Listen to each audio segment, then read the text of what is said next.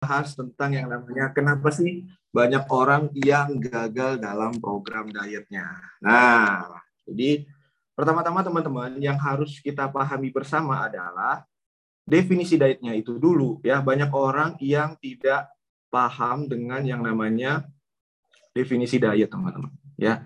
Jadi kalau teman-teman cek dari yang namanya program diet ya, program diet atau apa pun lah kalau teman-teman cek di Kemen Kemenkes, kemudian teman-teman cek di uh, bagian yang namanya definisi diet, teman-teman akan menemukan bahwa yang namanya definisi definisi diet itu adalah pengaturan pola makan. Ya, pengaturan pola makan untuk mencapai tujuan tertentu.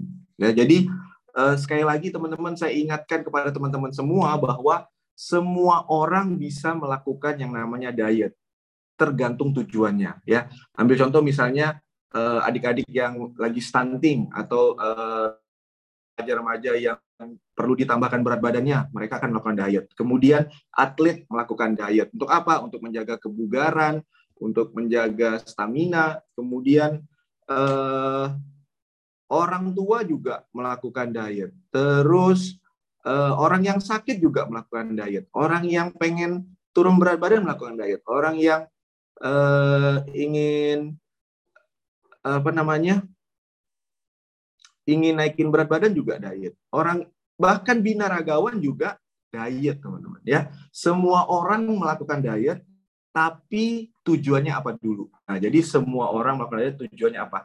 Entah kenapa definisi diet makin ke sini tuh makin ngaco nggak jelas ya. Bahkan sudah tersegmentasi untuk turun berat badan Nah, jadi lucu sekali teman-teman ketika saya berbicara, saya pengen diet deh. Loh, kok diet? Bukannya badannya udah ideal berat badannya. Nah, ini berarti selama ini kita tuh terjebak dengan yang namanya uh, definisi diet yang sudah mulai mengakar, teman-teman. Ya, padahal teman-teman semua, ini nih sebenarnya lagi-lagi akibat dari yang namanya diet culture. Diet culture itu banyak contohnya dan mungkin teman-teman sering temuin di sekitaran teman-teman. Salah satu yang paling paling sering apa coba? Labeling food ya. Ih, kok makan itu? Itu kan makanannya nggak nggak bagus buat diet. Nah, loh. Terus eh, makanan yang khusus buat diet, makanan yang tidak khusus buat diet, makanan yang akan mengacaukan program diet Anda. Wah, itu itu semua contoh dari labeling food yang termasuk dari diet culture. Kemudian ada aturan makan, food rules. Kalau mau diet tuh, eh kalau mau turun berat badan tuh nggak boleh makan banyak, nggak boleh makan sering. Pokoknya dikit aja, satu kali makan udah cukup. Terus food anxiety, makan dikit ngerasa bersalah, makan coklat bersalah, makan eh, makan apa? Makan es krim bersalah, ya. Padahal bayar. Ada tuh yang nggak bayar tapi nggak merasa bersalah. Waduh tipis-tipis guys, tipis-tipis, sisip-sisipkan. Terus apa coba? Benci dengan karbohidrat, benci dengan lemak, benci dengan protein, semuanya dibenci ya. Pokoknya itu semua adalah sebab dari yang namanya diet culture. Dan yang paling sering coba ini teman-teman, kalau saya temuin itu di sekitaran eh, apa ibu-ibu nih, termasuk ibu saya ya. Ibu saya dulu teman-teman mindsetnya adalah kalau mau turun berat badan apa olahraganya harus ekstrim. Wah, pokoknya zumba tiga jam. Habis itu ikut lagi aerobik, balik ke rumah, ini lagi uh, olahraga lagi. Pokoknya mau turun berat badan diet atau ekstrim. Kalau enggak olah, kalau olahraganya enggak ekstrim, enggak akan turun berat badan. Nah, ini semua contoh dari yang namanya labeling apa diet culture yang akhirnya ngebuat kita eh, terjebak dengan yang namanya definisi diet, teman-teman. Banyak sekali ya. Bahkan eh, apa kita tuh sering kali malah terdikte dengan yang namanya eh, angka di timbangan, sehingga kita menganggap bahwa diet kita tuh gagal kalau misalnya timbangannya itu nggak berubah angkanya dan segala macamnya. Padahal teman-teman, faktanya ada penelitian nih yang menunjukkan bahwa justru yang paling sulit itu adalah maintain berat badan yang sudah turun, maintain weight loss ya. Di mana orang bisa turun berat badan tapi mempertahankan berat badannya yang sudah turun itu itu sangat sulit ya. Ada penelitian menunjukkan bahwa ketika orang-orang yang uh, habis program terus mereka berhenti programnya terus karena sudah tercapai tujuannya, nah satu tahun setelah mereka selesai program weight loss itu ternyata berat badannya makin naik teman-teman. Berat badannya gerung naik ya. Dan ini adalah salah satu uh, penelitian meta analisis yang melihat dari 29 penelitian yang terkait dengan weight loss atau penelitian penurunan berat badan. Ya, average rata-rata more than half of the lost weight was regained within two years. Jadi udah turun berat badan dalam waktu dua tahun itu berat badannya bisa naik lagi seperti semula atau mungkin dua kali lipat ya. Jadi dari penelitian ini uh, disimpulkan bahwa weight loss can be achieved through a variety of modality, but long-term maintenance of lost weight is much more challenging. Jadi mau turun berat badan itu sebenarnya sesuatu yang bisa dilakukan oleh semua orang. Uh, bisa melakukan strategi apa pun, metode diet apa pun, semuanya bisa dilakukan untuk mencapai tujuan turun berat badan. Tetapi mempertahankannya atau menjaga berat badannya itu itu cenderung lebih menantang. Itulah sebabnya banyak orang yang gagal dalam program dietnya. Kalau kita jabarkan teman-teman itu banyak faktornya, belum lagi subfaktor. Kalau seperti apa eh, PR PR guru gitu kan, jelaskan definisi A, terus ada ada anak soal, anak soal, anak soal, anak soal. Nah, begitu juga dengan Kenapa orang bisa gagal dalam program diet? Banyak faktornya, teman-teman. Tapi kita akan membahas eh, beberapa faktor aja yang secara general mungkin banyak kita temui atau mungkin pernah kita alami ya. Yang pertama teman-teman, ada lima tipe ciri yang paling sering menjadi sebab alasan seseorang gagal dalam program diet.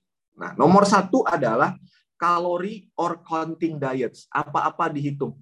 Apakah menghitung kalori itu salah? Tidak, teman-teman. Tapi buat orang yang baru pertama kali mencoba untuk program diet dalam hal ini tujuannya untuk turun berat badan, kalori counting itu sangat-sangat menyiksa dirinya sendiri ya. Dikit-dikit nanya, ini kalau kalorinya berapa? Kalau tambah sambal satu sendok makan berapa? By the way, eh, bawang putih dua siung berapa ya kalorinya? Oh my god. ya jadi sebenarnya teman-teman kalori counting atau menghitung kalori adalah salah satu strategi untuk mencapai yang namanya defisit kalori atau menjaga agar kalori yang masuk tidak lebih banyak dibanding kalori yang keluar ya jadi defisit kalori dan kalori counting itu sebenarnya ada step-stepnya ada tahap-tahapannya yang paling awal yang perlu teman-teman lakukan dulu adalah mengetahui apa yang teman-teman makan dalam satu hari. Itu aja dulu. Itulah sebabnya mulailah dengan journaling. Mulailah dengan catatan. Seharian tuh teman-teman makan apa, minum apa. Sehingga teman-teman sadar, oh alah, ternyata kalau saya makan-makan dengan minuman sebanyak ini, saya bisa naik berat badan. Nah, setelah teman-teman sadar dengan journaling dengan pola makan teman-teman dalam satu hari, barulah teman-teman mulai dengan yang namanya kalori awareness. Belum dulu counting kalori, kalori awareness dulu teman-teman ya. Kalori awareness, oh yang ini tinggi kalori, yang ini rendah kalori. Oh kalau yang ini makan banyak, kalorinya nambah, kalau porsinya disetengahin, kalorinya berkurang. Jadi baru kalori awareness dulu guys belum counting kalori. Baru yang ketiga nih, udah paham dengan kalori awareness, udah sadar ada kalori tinggi, ada kalori rendah, baru deh mulai lagi dengan yang namanya menghitungan kalori. Habis itu baru mulai menghitung namanya uh, makronutrisi dan mikronutrisi. Jadi step-stepnya tuh banyak teman-teman. Jangan dulu langsung jebret menghitung kalori. Berarti salah dong? Enggak, salah. Tapi buat pemula atau buat orang yang mau melakukan program diet akan sangat sangat sangat sangat sangat challenging teman-teman ya dan banyak orang yang nggak sabaran sehingga ribet banget sih apa-apa harus dihitung jadi saya sarankan mulailah dulu dengan journaling ya mulai dengan mencatat apa aja yang teman-teman makan dan minum Nah, itulah sebabnya kenapa banyak orang diet gagal. Karena mereka terlalu sibuk dengan menghitung kalori.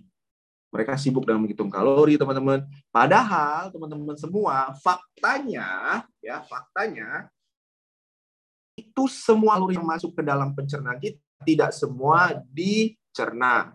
Nanti kita akan bahas next topik.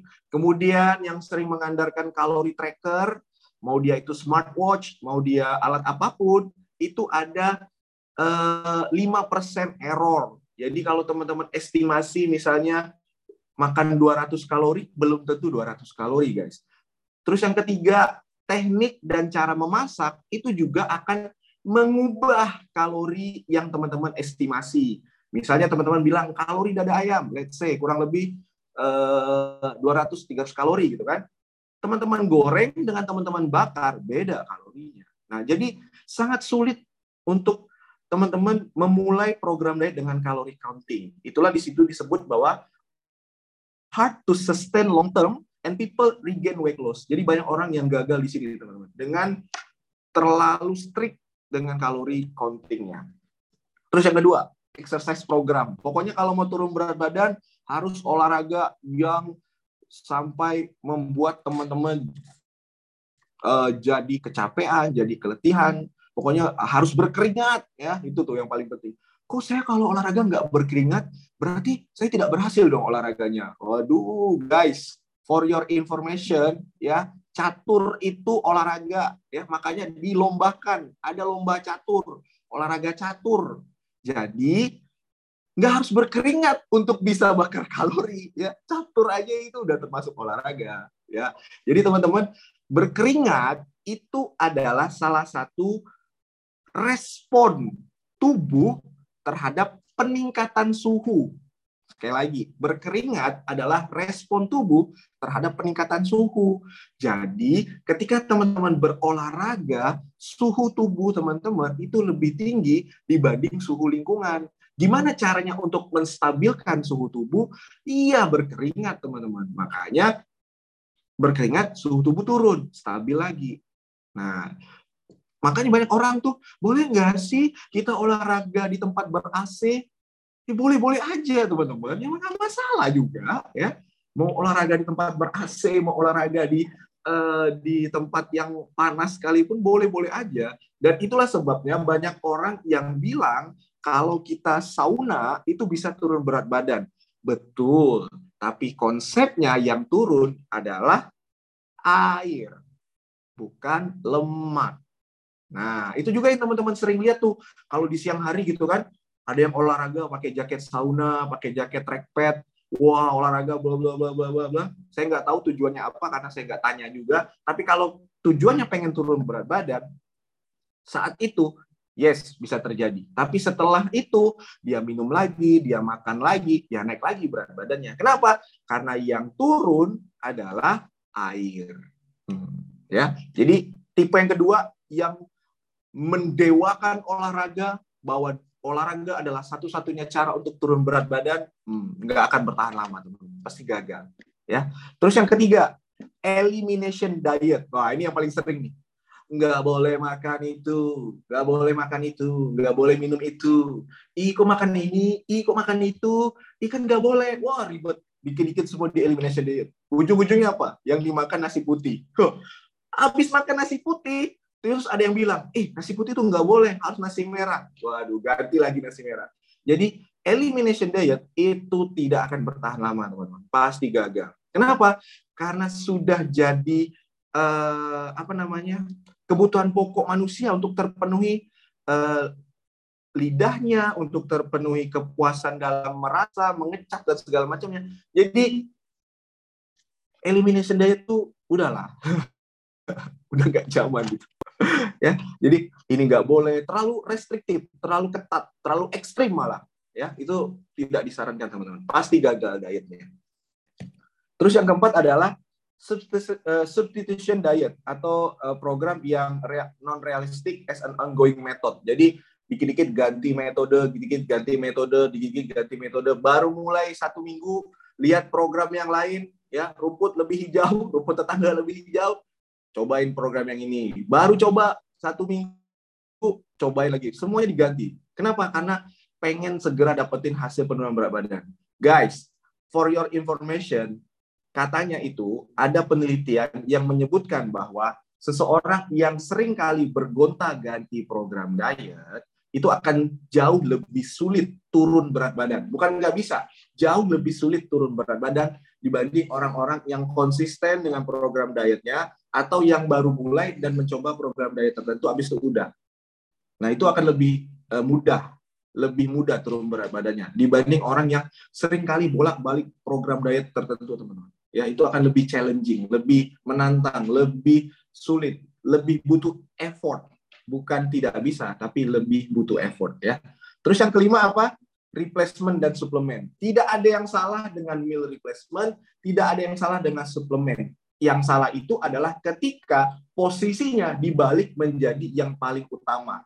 Nah, ini ini adalah mindset yang keliru, teman-teman ya.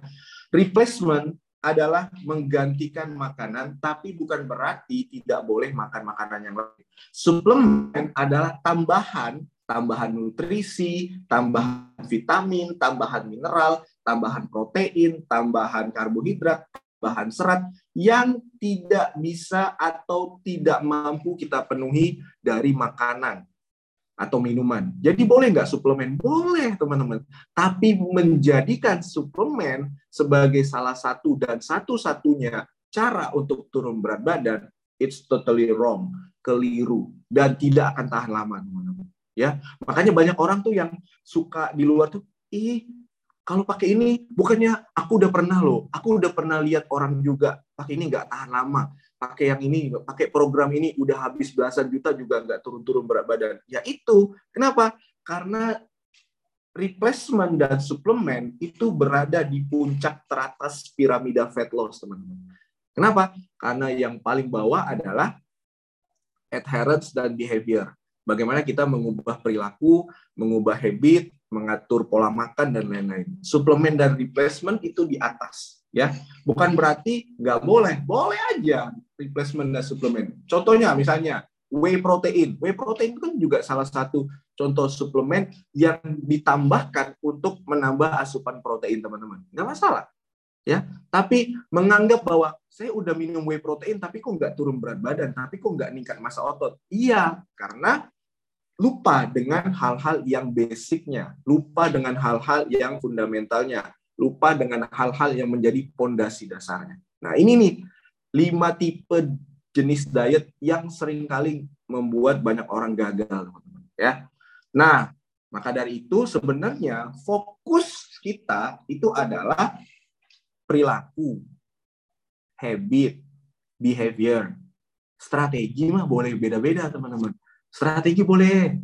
Teman-teman mau pakai strategi apa pun silakan boleh. Mau strategi kuantitatif, mau strategi kualitatif. Strategi kuantitatif itu seperti yang tadi kalori counting, menghitung kalori. Boleh silakan. Mau pakai strategi kualitatif, misalnya uh, apa namanya? Uh, mindful diet, intuitive eating, uh, terus banyak hal yang teman-teman bisa lakukan. Sebenarnya strategi banyak, belum lagi metode diet, sok silakan semuanya. Tapi teman-teman, kalau teman-teman perhatikan semuanya itu pasti eh, uh, dengan yang namanya defisit kalori. Nah, maka dari itu fokus utama kita sebenarnya adalah perilaku, behaviornya teman-teman. Ya, behavior kita yang harus kita fokuskan. Karena ada penelitian uh, nanya ke orang-orang, which is one which one is more important, diet atau olahraga. mana nih yang lebih penting? Olahraga atau pengaturan pola makan? Ternyata teman-teman, 5% yang uh, fokus dengan diet itu pasti naik berat badan lagi. Dan orang yang hanya fokus dengan olahraga itu biasanya nggak bertahan lama turun berat badannya. Tapi ketika mereka mengubah lifestyle mereka, mereka mengatur pola makan, mereka terbiasa berolahraga dengan konsisten. Akibatnya apa? Lifestyle-nya change, Eh, gaya hidupnya berubah dan mereka bisa mempertahankan berat badan idealnya jadi jauh lebih penting. Itulah sebabnya teman-teman, yang namanya diet atau gaya hidup sehat itu tidak pernah stop. Tidak pernah stop, ya. Kan biasa tuh kita uh, kok udah nggak lagi? Ya aku udah selesai dietnya. Hmm, hmm, dietnya udah selesai. Uh. Kenapa? Karena tujuannya hanya pengen turun berat badan. Jadi ketika tercapai turun berat badan, stop. Tapi ketika tujuannya untuk sehat, tujuannya untuk bugar, nggak akan berhenti, teman. Nggak akan berhenti sampai kita tua pun kita pasti akan tetap melakukannya. Kita tetap atur pola makan, kita tetap olahraga, kita tetap minum air putih, kita tetap menjaga kualitas tidur, kita tetap manajemen stres, dan semuanya itu kita lakukan bukan bukan buat semata-mata turun berat badan. Turun berat badan is part of bagian dari tujuan besarnya. Ultimate goals-nya adalah teman-teman mau sehat, mau menua dengan sehat, mau ningkati masa otot, mau badannya lean dan segala macamnya. Ada ultimate goals-nya teman-teman. Dan tujuan turun berat badan is just part of. Jadi sebenarnya apakah seseorang yang akan diet itu bisa berhenti atau akan terus-terusan sampai sepanjang hayatnya? Tergantung tujuannya. Kalau tujuannya cuma buat turun berat badan, congratulations, stop, udah selesai. Tapi kalau tujuannya untuk sehat dan bugar, maka dia akan selalu update dan upgrade goals-nya. Udah turun berat badan, tujuan berikutnya apa lagi? Fat loss. Tujuan berikutnya apa lagi? Maintenance. Tujuannya berikutnya apa lagi? Pengen deh lean body. Tujuan berikutnya apa lagi? Pengen deh bisa lari maraton. Tujuannya apa lagi? Kayaknya seru kalau saya bisa ningkatin kebugaran dengan ini. Tujuannya apa lagi? Banyak teman-teman. Jadi selalu update dan Hidup sehat tidak pernah berhenti. Itulah intinya ya. Hidup sehat juga pernah berhenti. Ya. Uh, itulah pokoknya ya. Di sini ada pertanyaan, Kak, gimana kalau penggunaan air fryer yang tanpa minyak? Nah, sudah pernah dibahas, tapi intinya adalah penggunaan air fryer adalah strategi. Strategi apa? Dengan cara masak, mengurangi minyak, kemudian uh, apakah jadi rendah kalori? Yes, betul. Ya karena minyaknya nggak, nggak ada. Jadi dia menggunakan metode pemanasan. Apakah bisa membantu? Bisa. Dan itu hanya strategi. Dan selalu ingat bahwa air fryer, saya nggak pernah bosan nyebutnya. Air fryer, wattnya gede, gede, gede, gede banget. Ya Allah. Ya, jangan sampai malah eh, apa namanya mengganggu eh, namanya apa sih namanya membuat teman-teman uh, punya mindset bahwa diet itu harus mahal dan sebagainya ya. Kemudian nah ini faktanya teman-teman. Faktanya ternyata satu dari lima orang yang melakukan program apa dari lima orang kalau kita ketemu lima orang nih satu dua tiga empat lima pasti satunya lagi diet biasanya kayak gitu itu rata-rata average penelitian teman-teman ya terus uh, dalam tiga bulan satu dari empat orang yang diet itu pasti berhenti. Jadi ada orang lima orang nih ketemu kita. Satunya pasti biasanya lagi diet. Dan dalam tiga bulan kalau kita ketemu ada empat orang yang melakukan program diet dalam tiga bulan satunya pasti berhenti. Ya. Dan average diet result in long term weight gain of uh, 11 pounds. Jadi rata-rata teman-teman orang-orang yang berhenti program diet itu biasanya naik 11 pound. 11 pound itu berapa ya? Berapa kilo ya? Pokoknya ada naik berat badan lah dia. Dia nggak bisa mempertahankan uh, berat badannya yang sudah turun. Bahkan teman-teman, UCLA, UCLA, peneliti-peneliti dari UCLA itu menemukan fakta bahwa typical dieter who last for six months lost 5 to 10% of their starting weight. Jadi beberapa orang akan berhenti program dietnya ketika mereka sudah turun berat badan dan rata-rata turun berat badan itu 5 sampai 10% dari berat badan mereka. Misalnya 70 kilo, nah, 5 persennya dari 70 kilo turun berat badan, habis sudah mereka akan berhenti dari program dietnya. Ya, terus yang berikutnya adalah within a couple of years up to uh, two three of these dieters regain more weight than they lost. Nah, terus dalam beberapa waktu, dalam beberapa tahun diteliti lagi teman-teman, mereka akan naik berat badan lagi. Mereka akan naik berat badan lagi. Ya. Terus berikutnya lagi apa? What's the best predictor of future weight gain? Dieting. Dan mereka akan melakukan diet lagi. Begitu aja terus ya. Jadi turun naik berat badan, mereka melakukan apa? Diet. Diet, turun berat badan, mereka ngapain? Stop diet. Stop diet, mereka naik berat badan, mereka melakukan apa lagi? diet. Begitu aja terus teman-teman. Wow, wow, wow, wow, wow, wow. Itulah sebabnya kenapa karena orang hanya fokus pada berat badan. Jadi tujuannya tercapai ketika berat badannya tercapai. Jadi setelah berat badannya tercapai dan berat badannya naik lagi, ya mereka harus turunkan lagi berat badannya. Dan begitu terus sepanjang mereka dengan goals hanya pengen turun berat badan. Nah, kita akan bahas ada beberapa faktor why most diets fail. Kenapa sih banyak orang yang melakukan diet itu fail, gagal teman-teman ya. Yang pertama adalah do not set unrealistic goals. Terkesan klise tapi sayangnya memang itulah faktanya teman-teman ya. Banyak orang yang melakukan program diet mindsetnya adalah turun 10 kilo dalam waktu satu minggu, turun 15 kilo dalam waktu satu bulan. Wah, pokoknya harus turun secepat-cepatnya dalam waktu sesingkat-singkatnya. Jakarta 17 Agustus. Ah, ini kebetulan nih. ya, bentar lagi 17 Agustus kita akan merdeka dari lemak.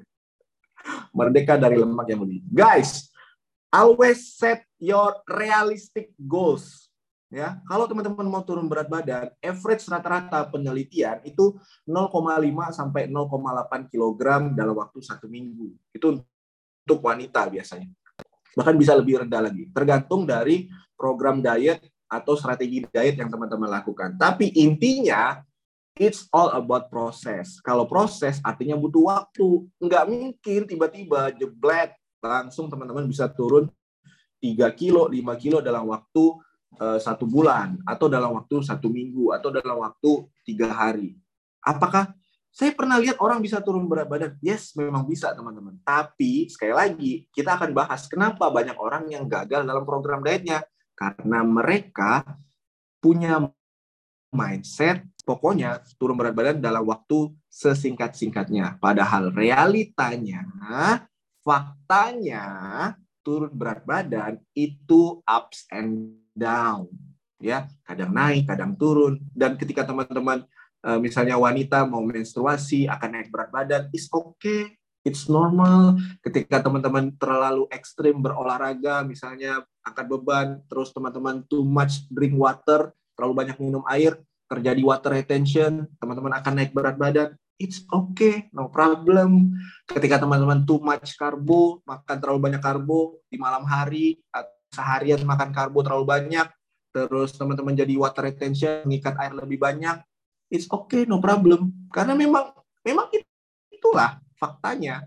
Berat badan akan ups and down. Tapi yang perlu teman-teman lakukan apa? Lihat tren garisnya. Nah, kalau dia turun, naik, turun, naik, turun, naik, tapi garisnya cenderung turun ke bawah, keep going. Terus-terus aja, teman-teman. ya. Tapi kalau misalnya turun naik turun naik turun naik grafiknya ke atas teman-teman perlu evaluasi ya. Jadi sekali lagi buatlah realistic goals teman-teman. Mau pakai cara apa pun boleh mau pakai cara smart yang spesifik measurement achievable time sama apalah uh, terus pakai cara yang intinya teman-teman pahami dulu bahwa turun berat badan itu adalah proses proses butuh waktu itu ya teman-teman Kemudian yang kedua adalah binge eating. Ini adalah orang-orang yang sering kali terjebak dengan yang namanya labeling food.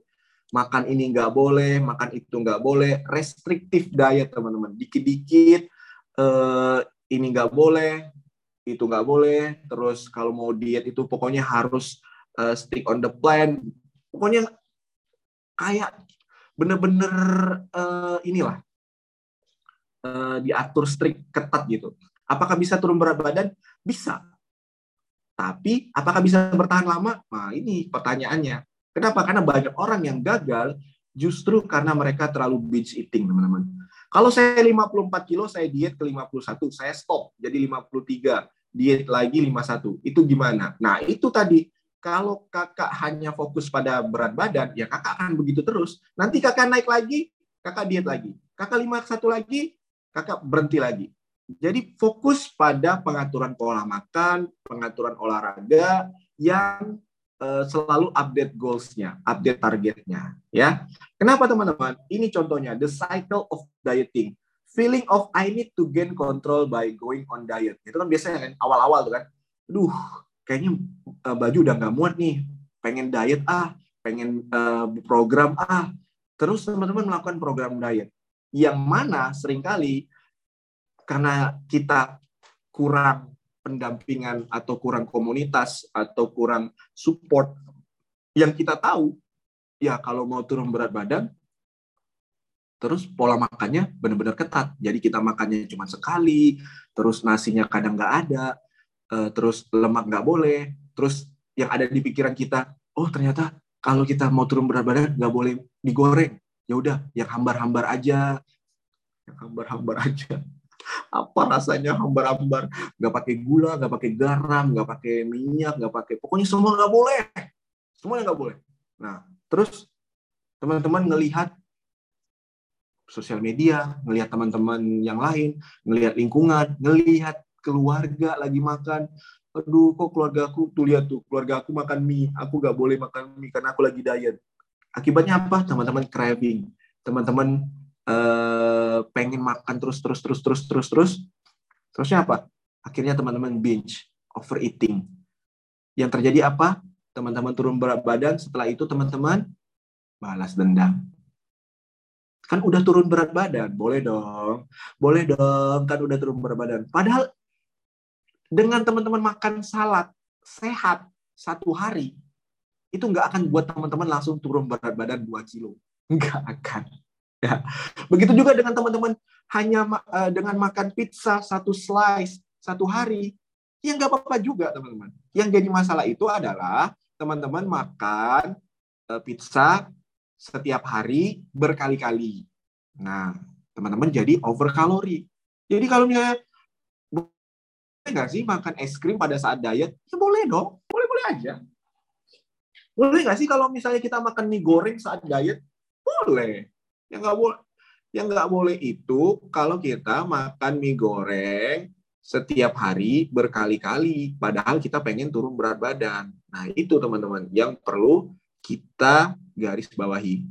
Ujung-ujungnya apa? Habit. Ujung-ujungnya apa? Behavior, perilaku. Kenapa? Karena semua yang ada di luaran sana itu cuma strategi. Strateginya mau apa pun boleh. Ya. Itu binge eating. Terus yang ketiga apa? Distract. Nah, kan ini yang sering nih. Do not get distract. Ketika teman-teman terlalu fokus dengan strategi, maka teman-teman akan pusing sendiri. lihat si ini pakai strategi cara ini, lihat ini metode dietnya ini, lihat ini program diet ini, lihat ini cara masaknya seperti ini, pusing guys. Ya, jangan, ah, bukan jangan, hindari terdistraksi dengan banyak-banyak program yang ada di luar sana. Coba pilih satu program yang teman-teman nyaman, enjoy. Itulah sebabnya di kelas diet kita itu tidak ada yang namanya uh, apa uh, apa sih namanya menggunakan metode diet tertentu. Nggak ada. Kita itu sebenarnya mengajarkan teman-teman untuk fokus pada behavior sama lifestyle, ya supaya teman-teman ngerasa enjoy dengan programnya. Tiba-tiba aja teman-teman udah turun berat badan. Nah, teman-teman bisa lihat bahwa di sini ada fat loss uh, dari yang namanya piramida fat loss. Yang mana sebenarnya semuanya itu dibungkus dengan yang namanya behavior sama lifestyle. Bagaimana teman-teman melihat olahraga, bagaimana teman-teman melihat makanan, bagaimana teman-teman berperilaku, bagaimana gaya hidup teman-teman. Itulah yang akan membuat teman-teman jadi bisa sukses dalam program dietnya. Dan teman-teman bisa lihat puncak piramidnya itu adalah suplemen. Jadi jangan kebalik, jangan suplemennya yang diletakkan di paling bawah. Ya, suplemen di bagian atas. Dan teman-teman bisa lihat bahwa setelah teman-teman melihat dari yang namanya behavior sama lifestyle, pondasi paling dasar adalah sustainable sama adherence. Bagaimana teman-teman berlanjut dan patuh dengan program yang teman-teman pilih. Nah, jangan terdistraksi teman-teman. Fokus. Laser fokus. Fokus aja dengan pola makannya, fokus dengan olahraganya. Yang teman-teman udah ikut kelas diet, fokus aja dengan meal plan-nya, fokus aja dengan arahan dari coachnya, maka teman-teman akan dapat uh, hasil program sesuai dengan yang teman-teman mau secara optimal dan secara maksimal ya. Setelah itu teman-teman barulah kalori defisit. Setelah kalori defisit, teman-teman exercise. Setelah exercise, teman-teman self monitoring. Itulah sebabnya, teman-teman, kita ada di kelas itu foto, ada ukur, ada timbang. Itu tuh bukan buat kita, tapi buat teman-teman supaya teman-teman sadar dan teman-teman bisa mengevaluasi. Loh, kok nggak ada penurunan lingkar tubuh? Apa ya sebabnya? Nah, komunikasikan dengan coachnya. Coach, saya udah A, B, C, D, tapi kok berat badannya turun, tapi lingkar tubuhnya nggak turun ya? Apa ya? Nah, baru didiskusikan teman-teman. Jadi kita itu uh, mereview atau mengevaluasi berdasarkan data, bukan perasaan. Perasaan makanya udah dikit deh perasaan. Oh, susah kalau perasaan, guys. Gimana ngukur perasaan tuh gimana? Tapi kalau kita ngukur pakai data, nah itu bisa. Ya. Kemudian uh, baru makro, mikro, dan terakhir suplemen. Oke, berikutnya uh, faktor yang terakhir teman-teman dua dua yang terakhir ya. Yang pertama uh, yang yang berikutnya adalah tidak berada di komunitas atau lingkungan yang mendukung program teman-teman. Nah, makanya saya sarankan ketika teman-teman pengen program diet, deklarasikan teman-teman. Deklarasikan. Tapi saya malu, malu, malu dengan program diet saya. Nah, gimana sih? Saya malu pengen kasih tahu ke orang-orang terdekat saya kalau saya lagi program diet. Hmm. Saya sarankan mulai deklarasikan, mulai kasih tahu ke orang-orang terdekat, ke keluarga, kasih tahu ke anak kita, kasih tahu ke suami, ke pasangan, ke teman sahabat kita.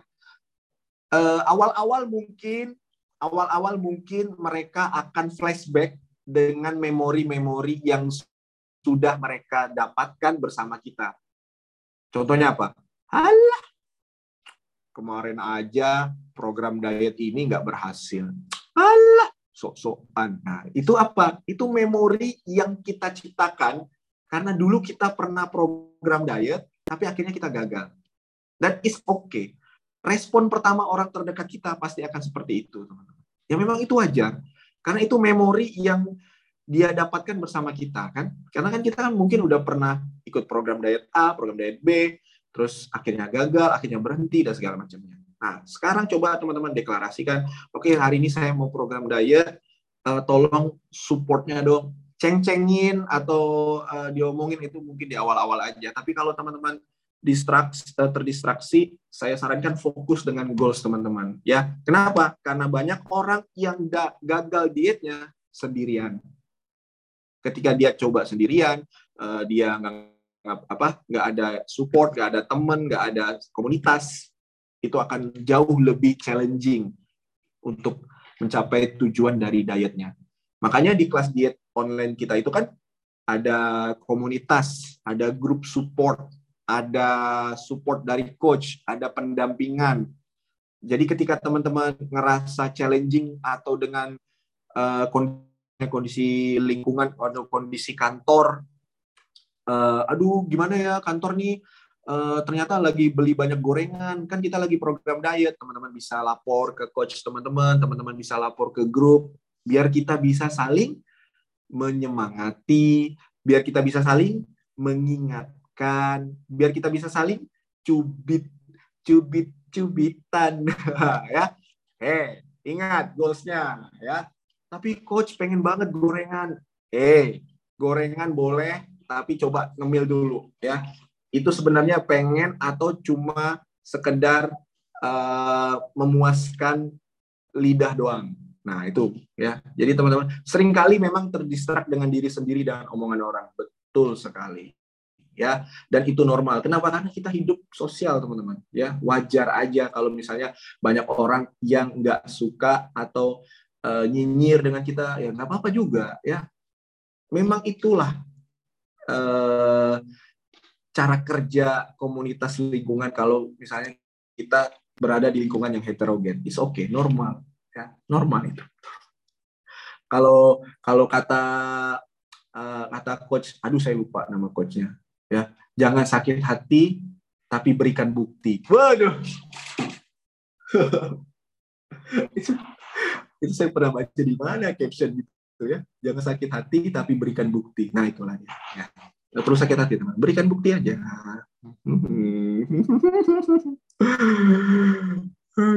Program ini berbayar kak? Yes betul berbayar ya buat teman-teman yang nanyain programnya berbayar berbayar. Oke, nah ini yang terakhir teman-teman. Don't give up too quickly if result are not visible. Jangan menyerah tercepat hanya karena hasilnya tidak terlihat dalam waktu yang cepat menurut teman-teman. Dan for your information, keberhasilan atau tolak ukur dari program diet itu tidak hanya berat badan. Agak terdengar klise, tapi betul banget teman-teman. Itulah faktanya. Ketika teman-teman terlalu fokus pada berat badan, teman-teman akan jauh lebih cepat menyerah dan ngerasa uh, tidak termotivasi lagi dengan progres berat badan teman-teman ya dengan progres program teman-teman. Jadi uh, di sini teman-teman bisa lihat ada total diet success health is so much more than weight. Nah, kesehatan teman-teman itu jauh lebih penting dibanding dengan angka di timbangan saya tidak bilang timbangan atau angka timbangan itu tidak penting ya.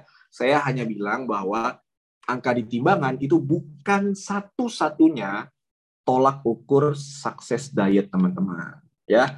Teman-teman bisa lihat untuk mencapai total health atau kesehatan yang paripurna wow, health secara fisik health secara mentally health secara sosial health secara intelektual health secara ekonomikal ya kenapa? Karena banyak orang yang masih terjebak dengan mindset diet instan ya.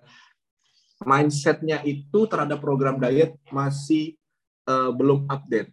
Sehingga uh, dia hanya sekedar dapat turun berat badan tapi dia lupa dengan kesehatan, kebugaran dan lain-lain ya. Jadi sekali lagi teman-teman ada banyak faktor dan tolak ukur yang bisa kita lakukan untuk mengecek progres program diet kita.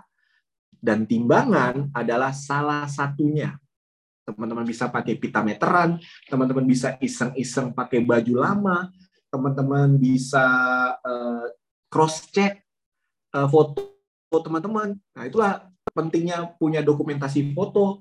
Teman-teman bisa lihat bagaimana uh, stamina teman-teman apakah meningkat atau jadi lemes atau teman-teman jadi lebih suka olahraga dan ada banyak faktor lain yang teman-teman bisa jadikan tolak ukur uh, sukses teman-teman dalam program diet.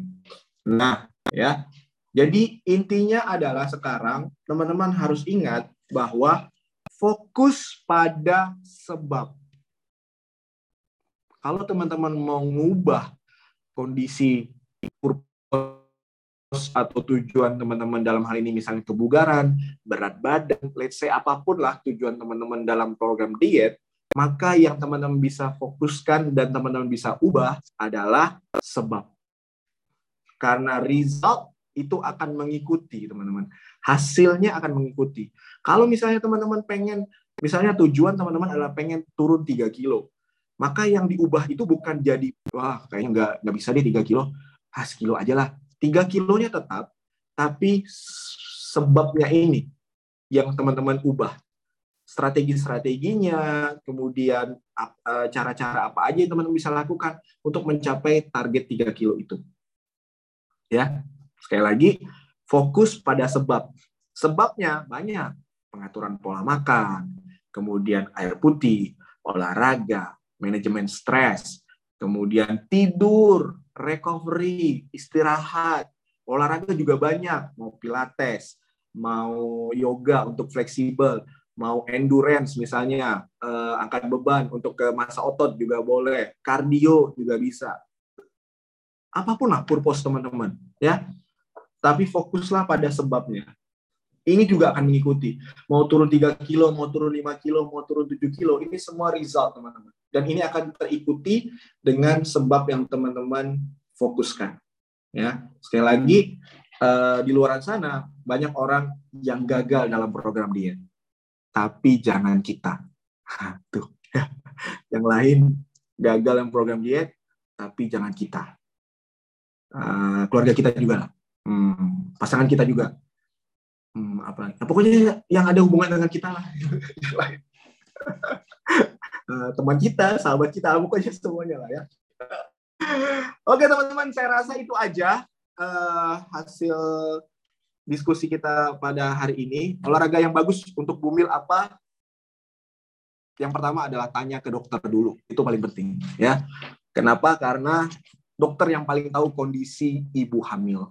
Nah, saya nggak bisa kakak juga nggak bisa. Jadi ketika cek ke dokter, dokter kasih tahu, baru tanya, dok, kira-kira olahraga yang cocok buat saya ini apa ya?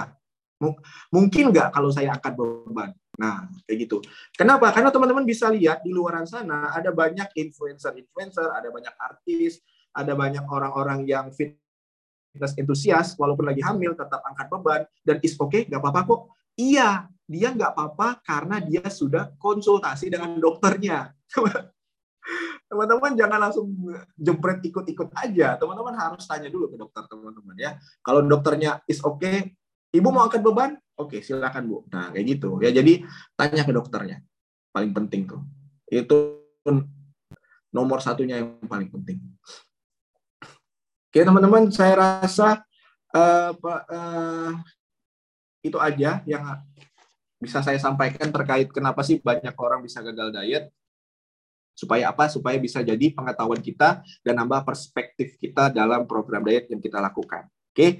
uh, eh, teman-teman masih ada waktu buat teman-teman yang ada di uh, zoom untuk ikutan daftar total nutrition program. Ya silakan tanya ke coachnya. Nanti kita akan mulai sesuai dengan informasi yang ada di kelas.